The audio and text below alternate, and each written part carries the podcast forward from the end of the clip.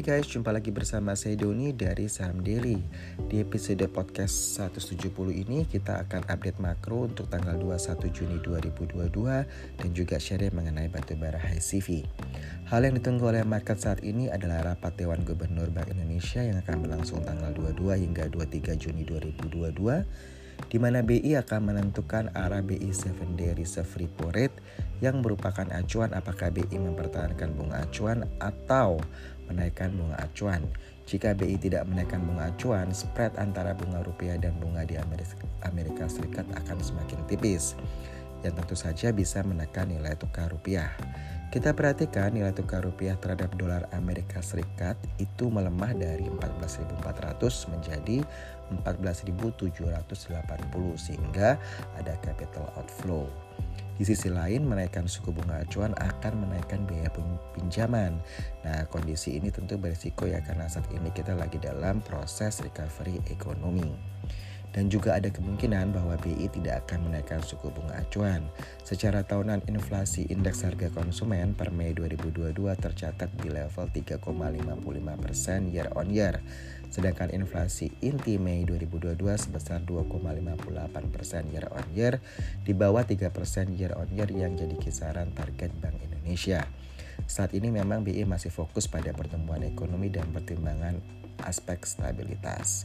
Ya memang portofolio dari apa portofolio dari ini terjadi outflow ya terutama di surat berharga negara.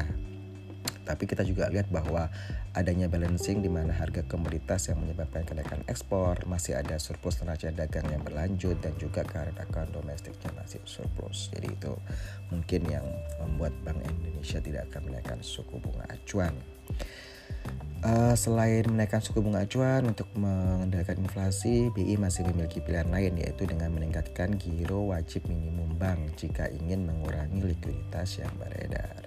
Kita lihat secara histori inflasi tahunan ya. Untuk di Amerika itu Januari itu inflasinya di 7,50%, Februari dia naik ke 7,90%, Maret dia naik lagi ke 8,50%, April terus sedikit ke 8,30%, 8,30% lalu di Mei dia naik ke 8,60%. Jadi dikhawatirkan terjadi inflasi er, terjadi resesi ya di Amerika Serikat.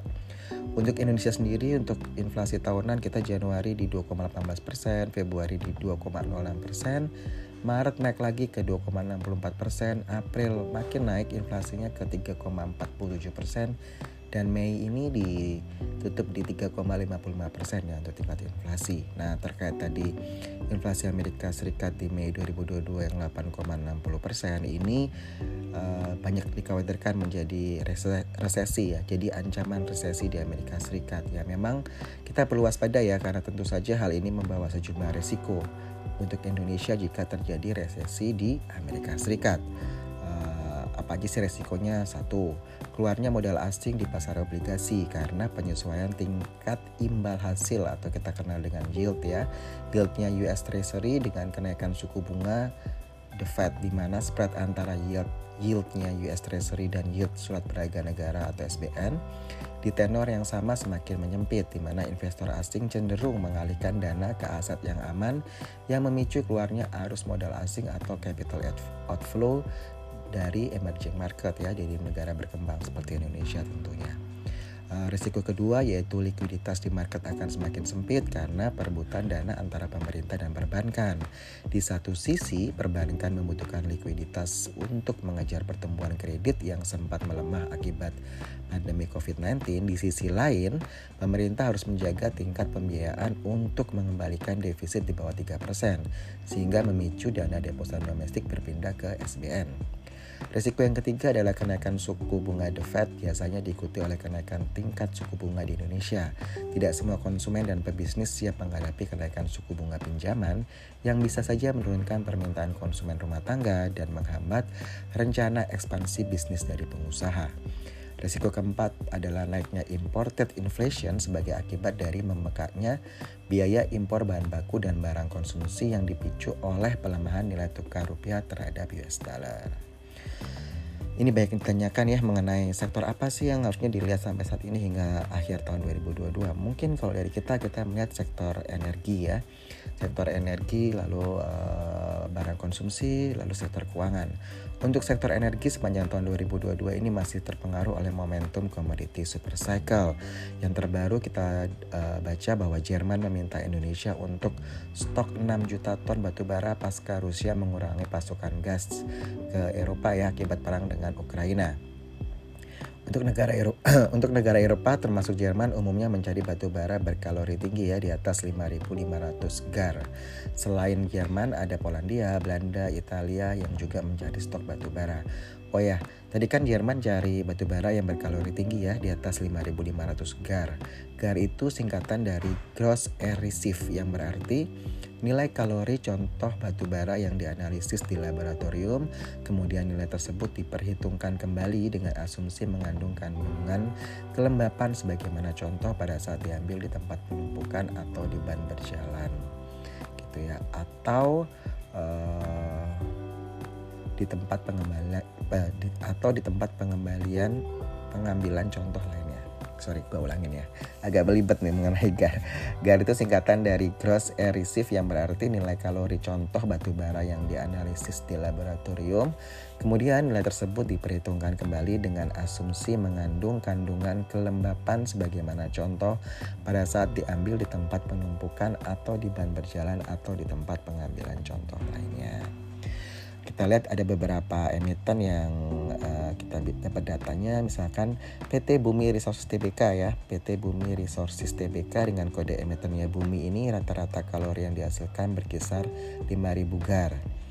Uh, Bumi ini melalui anak usahanya yaitu PT Kaltim Primakol atau KPC ini memproduksi batu bara dengan tingkat kalori 4700 gar sampai 6700 gar. Sedangkan untuk PT Arutmin Indonesia itu 4.200 gar sampai 6.300 gar.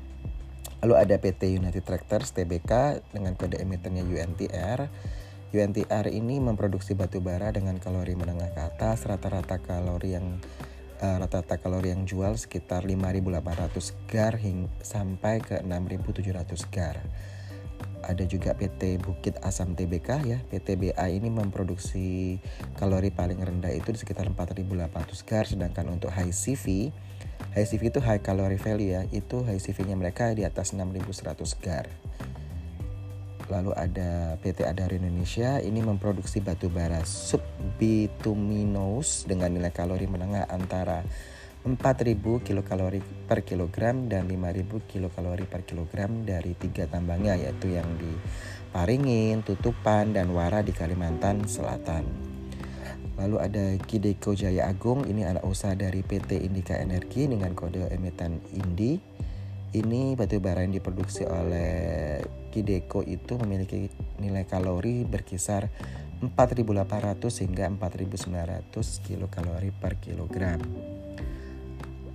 Lalu ada Borneo Indobara, jadi jenis batu bara yang dihasilkan oleh anak usaha dari PT Golden Energy Tbk. Ini kode emitennya GEMS ya. Ini memiliki kalori dari 866 sampai 6528 kilokalori per kilogram.